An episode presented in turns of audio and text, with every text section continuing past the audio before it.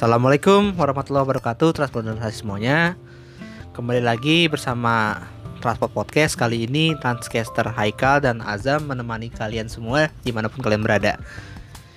Nah Ngomongin transportasi perkotaan nih uh, Tuh Ada strategi-strategi nih transportasi transis nih. Gimana sih supaya Orang-orang nih Rang-orang Itu tuh mau beralih gitu ya beralih uh, ke transportasi publik atau transportasi umum dan juga menghindari uh, suatu naik transportasi pribadi dan juga melakukan perubahan baik secara budaya bertransportasi dan juga uh, dari si transportasi itu sendiri nih. Nah, strategi tersebut nih bisa dibilang kalau bahasa Inggrisnya avoid, shift, and improve. ASI. ASI. Air susu ibu. Bukan itu yang kita mau omongin. Tapi kita ngomongin transportasi kali ini Zam, Zam. sesuai Iya, maaf. sesuai apa eh, ranah kita gitu. Oke lah. dokter kita. Bukan dokter siap. Aduh. Oke, Kal, Kal. Oke. Kita manggilnya ASI aja ya. Nggak enak banget kalau ASI gitu. Ah, ah, ah, ah. Jadi kan ASI. agak bermakna ganda. Oh, iya iya iya. Oke, jadi gua pengen nanya nih. Strategi ASI untuk pengembangan transportasi publik itu maksudnya gimana sih? Kayaknya lu dari tadi muter-muter terus Apanya? ya langsung aja to the point gitu. Oh iya. Maksudnya gimana? memang kita tuh harus membuat muter-muter otak transportasi dulu nih sebagai pendahuluannya Zam. Karena transportasi bakal bingung, ini orang ngomong apa sih? Gitu. Iya. Jadi kan ASI itu ya avoid, S-nya shift, I-nya improve gitu. Nah avoid itu atau hindari gitu ya. Itu tindakan yang dilakukan untuk mengurangi permintaan perjalanan. Nah shiftnya itu beralih. Nah beralih untuk menggunakan mode transportasi yang lebih ramah lingkungan. Misalnya di kota-kota besar Indonesia nih, masyarakat tuh dapat mengurangi emisi sebesar 60 sampai 90 persen nih jika beralih dari kendaraan pribadi ke transportasi umum ataupun ke non motorized transport yaitu seperti sepeda, eh, berjalan kaki atau micromobility lainnya. Nah, yang terakhir itu adalah improve peningkatan gitu ya, yaitu meningkatkan eh, efisiensi efisiensi energi dalam moda transportasi dan juga teknologi kendaraan nizam. Oke. Nah, untuk tahapannya itu kira-kira tahapan strategi ASI itu kayak gimana sih tahapannya? Oke, tahapannya ya. Kalau dari avoidnya itu pertama tuh tentang kebutuhan perjalanan nih, yaitu dengan cara eh, integrasi perencanaan tata guna lahan dan sistem transportasi. Lalu adanya lagi TOD. Nah, kalau shiftingnya yaitu kan eh beralih gitu dari moda eh transportasi publik eh transportasi pribadi ke publik gitu. Transportasi publik yang berkelanjutan. Pertama tuh memprioritaskan dulu nih transportasi yang non motorized atau tidak bermotor seperti berjalan kaki bersepeda dan micromobility, micromobility lainnya gitu. Sesuai dengan eh piramida terbalik transportasi gitu ya. Lanjut beralihnya lagi ke transportasi publik yang eh, massal nih seperti BRT, LRT, MRT, komuter lain dan lain sebagainya. Nah, untuk mengimprove-nya nih yaitu kualitas dan juga efisiensi moda transportasi. Nah, misalnya si modanya ini nih. eh, bis tadinya dari diesel ke listrik gitu ya. Eh, terus juga teknologi-teknologi yang lebih seamless gitu loh. Jadi orang gampang gitu Zam untuk eh mengintegrasikan segala moda kayak contohnya Jaklingko lah ataupun eh, macam-macam lah gitu. Oke. Nah, ada strateginya juga nih eh, yang bisa dicapai secara bertahap. Nah, pertama avoidnya dulu nih. eh manajemen perjalanan melalui pengaturan tata kota berkonsep dengan mixed use tadi tuh ya. Terus juga itu meng- mendapatkan benefit mengurangi waktu tempuh, meningkatkan kualitas udara, kesehatan, keselamatan dan lainnya. Lalu shiftingnya itu eh, diikuti nih dengan cara meningkatkan penggunaan transportasi umum, pedestrian dan sepeda. Membangun infrastruktur transportasi perkotaan dengan benefit mengurangi kemacetan dan pemerataan akses aktivitas serta mengulangi uh, polusi dan juga meningkatkan keselamatan. Nah, terus juga nih di improve ada tambahan sedikit ya, yaitu dengan uh, teknologinya juga salah satunya Intelligent Transport System atau ITS dengan benefit meningkatkan penggunaan energi terbarukan, lalu produktivitas tinggi dan juga keterjangkauannya. Seperti itu Zam. Oke Kal. Nah kalau pandemi kayak gini nih tantangan mengembangkan transportasi dengan strategi ASI itu apa sih? Uh, pertama ya, uh, tantangannya tuh pembatasan kapasitas angkut ya. Waktu itu kan dulu-dulu ya, waktu pas awal pandemi iya, ya kan, uh -huh. 2020 orang mengular gitu. Kita masih butuh kerja WFO, WFO. tapi lama-lama kan disuruh WFH segala macam dan sekarang kita udah mulai bangkit lagi. Iya, iya. Uh, uh, sudah mulai bangkit lagi. Uh, tantangannya itu waktu pas awal-awal ya, pembatasan kapasitas angkut, pembatasan jam dan rute operasional, lalu pengalihan atau peniadaan rute operasional. Nah, itu mengakibatkan bertambahnya waktu tunggu penumpang, antreannya makin panjang dan juga kepadatan di stasiun ataupun halte. Lalu uh, ada sebuah rekomendasi nih dari ITDP yang gua kutip ya. Kutip apa tuh? Jadi itu ada namanya menghadapi krisis ini tuh kita harus beralih nih ke non motorized transport gitu. Nah, NMT itu berperan penting banget gitu dalam namanya tuh build back better yaitu pertama tuh memberikan prioritas pada peningkatan pelayanan transportasi umum termasuk dalam uh, pengalokasian anggaran. Lalu pembangunan kota perlu memberikan prioritas untuk penataan kota yang lebih aksesibel, aman, terus juga bebas polusi, mudah dijangkau melalui prinsip-prinsip TOD untuk mengurangi kebutuhan transportasi dan memperpendek jarak perjalanan. Jadi orang pada ngumpul aja situ tuh ya. Lalu penerapan travel demand management atau traffic demand management, transport demand management lah itulah pokoknya lah ya TDM yang pernah kita bahas tuh untuk mengurangi uh, pengaturan lalu lintas sehingga tidak jadi kemacetan. Lalu operator angkutan umum nih juga perlu diberi komunikasi yang baik nih dengan pelanggan mengenai informasi kebersihan armada, real time jadwal dan keberangkatan dan juga antrian. Nah, ini masih banyak evaluasi sih secara uh, jadwal real time yang ada di uh, passenger information di monitor itu ya.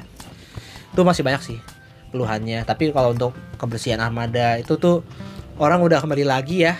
Dari kemarin-kemarin tuh ya beberapa bulan lalu kita udah bisa lebih baik gitu.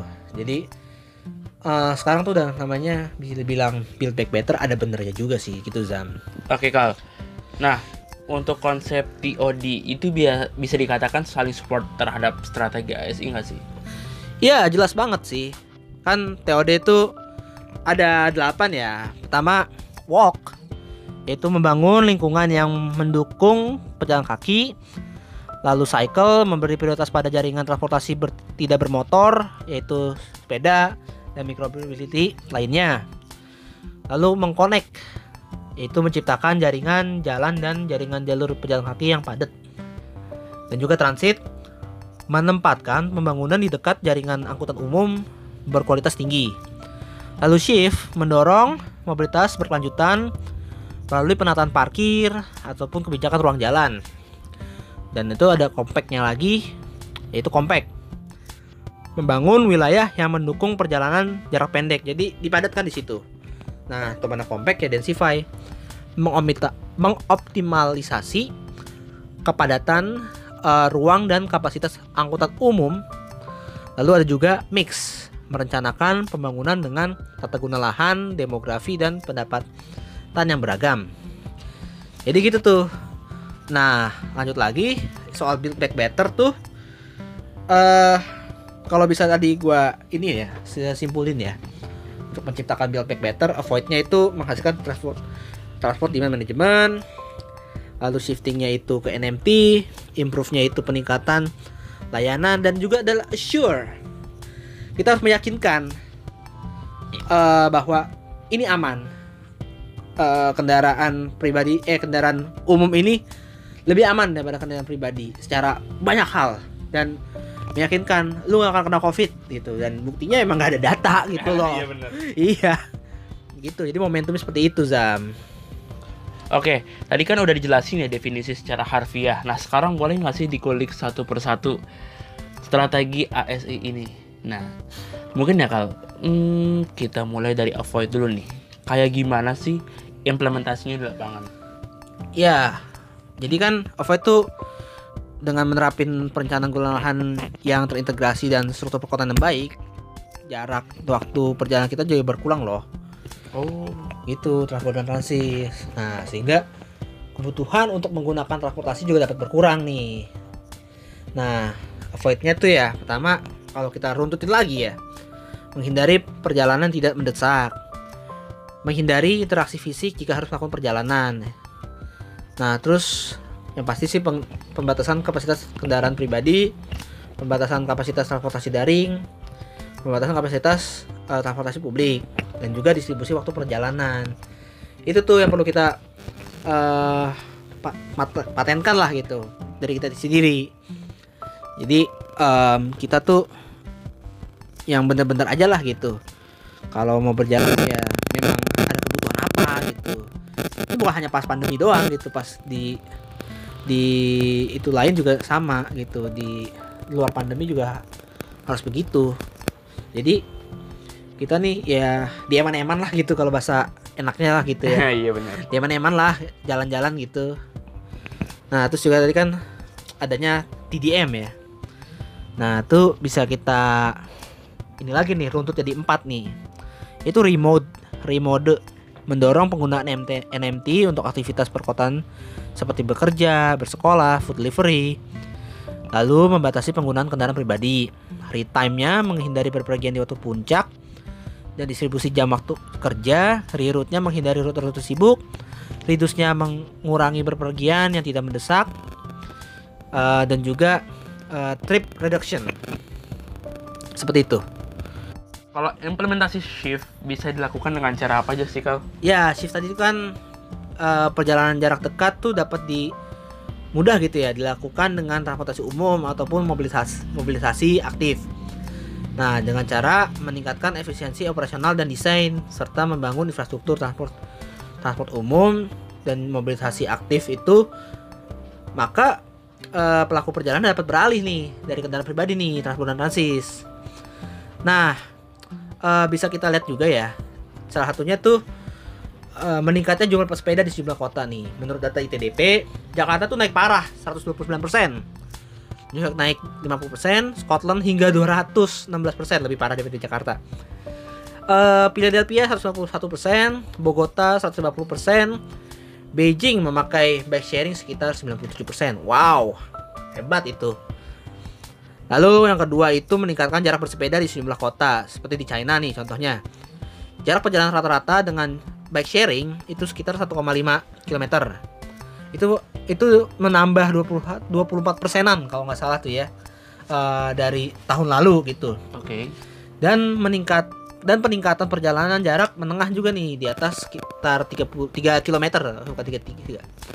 Nah, itu ada key takeaways-nya nih untuk transportasi aktif itu harus menjadi alternatif moda dalam pengurangan kapasitas angkutan umum, bukan kendaraan pribadi doang. Lalu penyediaan fasilitas sepeda dan pejalan kaki yang aman dan nyaman harus menjadi fokus utama pemerintah pusat dan juga daerah. Lalu transportasi aktif sebagai supporting sistem angkutan umum pastinya. Seperti itu Zam, kurang lebih. Oke Kal, setelah mengajak shifting atau beralih beralih ke langkah selanjutnya adalah improve ya. Nah, emang apa aja sih yang harus dibenahi buat transportasi lebih ke berkelanjutan gitu? Oke. Ya dalam jangka panjangnya sih ya individu tuh dapat mempertimbangkan gitu untuk menggunakan kendaraan yang rendah karbon dan juga lebih ramah lingkungan. Misalnya dengan car sharing kayak Grab gitu-gitu, Grab, Gokar dan lain-lain. Tapi eh, di sharing itu udah pakai kendaraan listrik yang bisa diangkut massal gitu. Itu kan ramah lingkungan, apalagi bis listrik dan segala macam gitu ya. Ataupun sepeda listrik, motor listrik dan lain-lain lah gitu. Nah, eh, menurut data ITDP juga nih ya, di Jakarta tuh telah mengimprove eh, sekitar 11,2 km jalur sepeda pop up yang sudah dipermanenkan. Di Bogota, itu 76 km jalur sepeda temporer selama masa pandemi kemarin. Dan juga ada rencana implementasi permanen untuk eh, 35 km jalur tersebut. Di Mexico itu 1,7 km sepeda temporer pada ruas jalan utama. Lalu di Paris 50 km jalur sepeda permanen telah dibangun selama masa pandemi dan memang Paris tuh gue salut sama wali kotanya sih Bu Ane apa Ane Purba? Oh, bukan, bukan. Ane Hidalgo namanya. Oh, iya. itu Itu orang mana ya? itu Paris pak. Oh, kecamatan mana tuh? nggak tahu. Ya itu dia membuat konsep kota 15 menit gitu ya. Jadi orang ngumpul aja gitu bermobilitas secara 15 menit gitu. Mobilitas aktif. Hebat sih tapi Jakarta gua nggak yakin gitu. Belum bisa yakin gua. Oke lanjut lagi ke data di Berlin. Jalur sepeda sementara dan pelebaran jalur sepeda existing dan juga ada layanan bike sharing gratis selama 30 menit di Budapest eh, jaringan jalur sepeda sementara di pusat kota Budapest dan juga penurunan biaya berlanggan bike sharing hingga kalau di kurs rupiah ya 4000 per 4000-an per bulan gitu. Ya kebijakan anggaran di ber- berbagai negara tuh pemerintah Inggris ya seperti ini. Melakukan investasi sekitar 2 miliar pound. Gila banyak banget. Untuk peningkatan kualitas pejalan kaki dan pesepeda. Wah, gila banyak banget tuh. Lalu sekitar 300 juta euro dianggarkan pemerintah Prancis untuk pembangunan 650 km bike lane gila gila gila gila banyak banget tuh nah eh, peningkatan layanan kapasitas kapasitas transportasi publik tuh eh, juga dibutuhkan namanya perluasan stasiun atau halte gitu ya itu guna meningkatkan kualitas eh, operasional Transjakarta contohnya nih lalu mengurangi tingkat kepadatan stasiun area transisi dapat digunakan untuk pemasukan non tiket nah seperti itu tuh Nah, kalau eh, biasanya tuh stasiun atau halte ya, itu sekitar paling panjang 380 eh, meter. Terus juga lebarnya 54 gitu. Rata-rata tuh eh, segitu tuh di Transjakarta tuh ada 25 halte yang direvitalisasi segitu. Tapi kalau menurut rekomendasi isi TDP nih harus 500 meteran gitu. eh, luasnya gitu. Panjang kali lebar ya itu juga dilakukan eh, banyak evaluasi seperti peningkatan eh, jalur menyusul ataupun jalur transisi gitu ya macam-macam lah gitu Oke. Tadi kan sempet deh ada poin tambahan yaitu assure. Nah, maksud assure itu kayak gimana sih Kang strateginya? Eh, itu salah nggak sih? Sa- itu apa itu salah satu bentuk timbal balik dari strategi ASI? Em, assure ya ya mungkin bisa jadi ya sih kalau pandangan gua ya jadi operator transportasi publik berperan besar nih dalam upaya mengembalikan tingkat kepercayaan publik terhadap angkutan umum ya gua rasa udah berhasil Karena orang juga udah eh, beralih banget gitu ya kayak kembali lagi lah seperti zaman Iya. sebelum pandemi gitu bahkan udah kayak ngerengek woi bukain rute baru gitu kan. Nah banyak kan tuh. iya. Woi tambahin headway ya kan gitu. Nah pastinya lebih di sure lagi tuh penegakan protokol kesehatan. Itu tuh harus toh kita masih disuruh pakai masker ya pakai masker toh gitu. Meskipun kita merasa kayak gue udah nggak perlu tapi ya harus gitu dipaksa mau nggak mau gitu. Lalu yang pastinya harus ada sterilisasi prasarana dan sarana angkutan umum nah itu udah masuk dari SPM mereka sih gitu ya seperti itu sih Zam kurang kurang lebihnya Kalau dari cara-cara yang tadi kita sebutin ya, kira-kira bakal ada dampak jangka panjang nggak sih? Apa aja yang dapat dirasakan? Ya jangka panjangnya tuh penataan struktur kota ya. Tadi kan gue bilang tuh si Anne Hidalgo eh wali kota Peran wali kota Paris tuh con- eh, konsep 15 minute city. Apa sih eh, 15 minute city tuh? Pengembangan struktur kota yang mendukung aksesibilitas moda transportasi tidak bermotor dengan rencana pendataan kembali kota Paris dan juga penataan eh, fungsi lahan sehingga semua jenis fasilitas kebutuhan eh, dasar nih kayak misalnya makanan, sekolah, tempat kerja, olahraga, kesehatan dan ruang terbuka dan segala macam pokoknya tuh bisa digapai dengan eh naik misalnya naik eh, angkutan Delman. Delman istimewa. Siap. Aduh, bukan Pak. Oh. Metro, metro lah 15 menit gitu. Terus juga apa eh, sepeda 15 menit gitu. Jalan kaki 15 menit gitu. Ya banyak lah gitu. Nah, terus juga eh ada nih.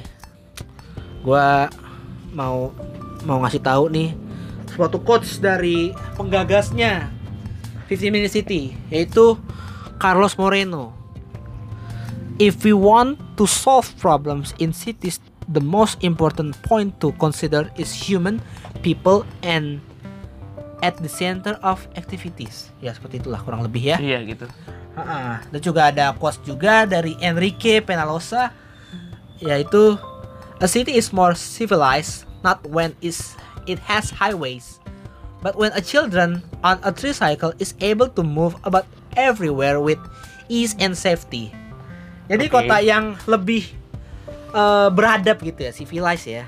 Itu bukan dibikin jalan tol, flyover dan lain sebagainya, tapi gimana sih eh, semua aspek eh, kehidupan tuh merasa aman gitu dari yang tingkat yang rentan gitu kayak anak kecil, orang tua itu bisa merasa aman, nyaman, eh, main di tengah jalan tanpa diklaksonin mobil, eh, main main di apa pekarangan rumah orang tanpa kenain eh, kaca mobil orang segala macem.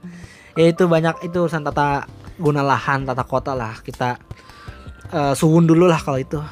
Oke kak, dari bahasan yang panjang ini apa yang bisa kita simpulkan? Nah, jadi ASI itu kan simpulannya ya strategi yang bertujuan untuk mempromosikan solusi mobilitas alternatif sekaligus mengembangkan sistem transportasi berkelanjutan dalam rangka menciptakan kota yang lebih layak huni. Nah, bisa dirututin lagi untuk strategi-strategi eh, ASI itu kalau dijabarin klasifikasi ini itu ya. Avoid itu ja- jangka pendeknya itu stay at home dan juga pembatasan kegiatan gitu ya. Itu masih kita eh, penting kita jaga gitu loh. Karena kita masih riskan-riskan juga nih. Ya jangka menengahnya bisa ngasih tarif parkir tinggi, jangka panjangnya itu ERP kita udah mulai mengarah sana. Terus juga 15 minute city. Shiftingnya jangka pendeknya itu peng- penggunaan transportasi aktif untuk perjalanan jarak dekat. Lalu mix commuting eh, untuk jarak menengahnya.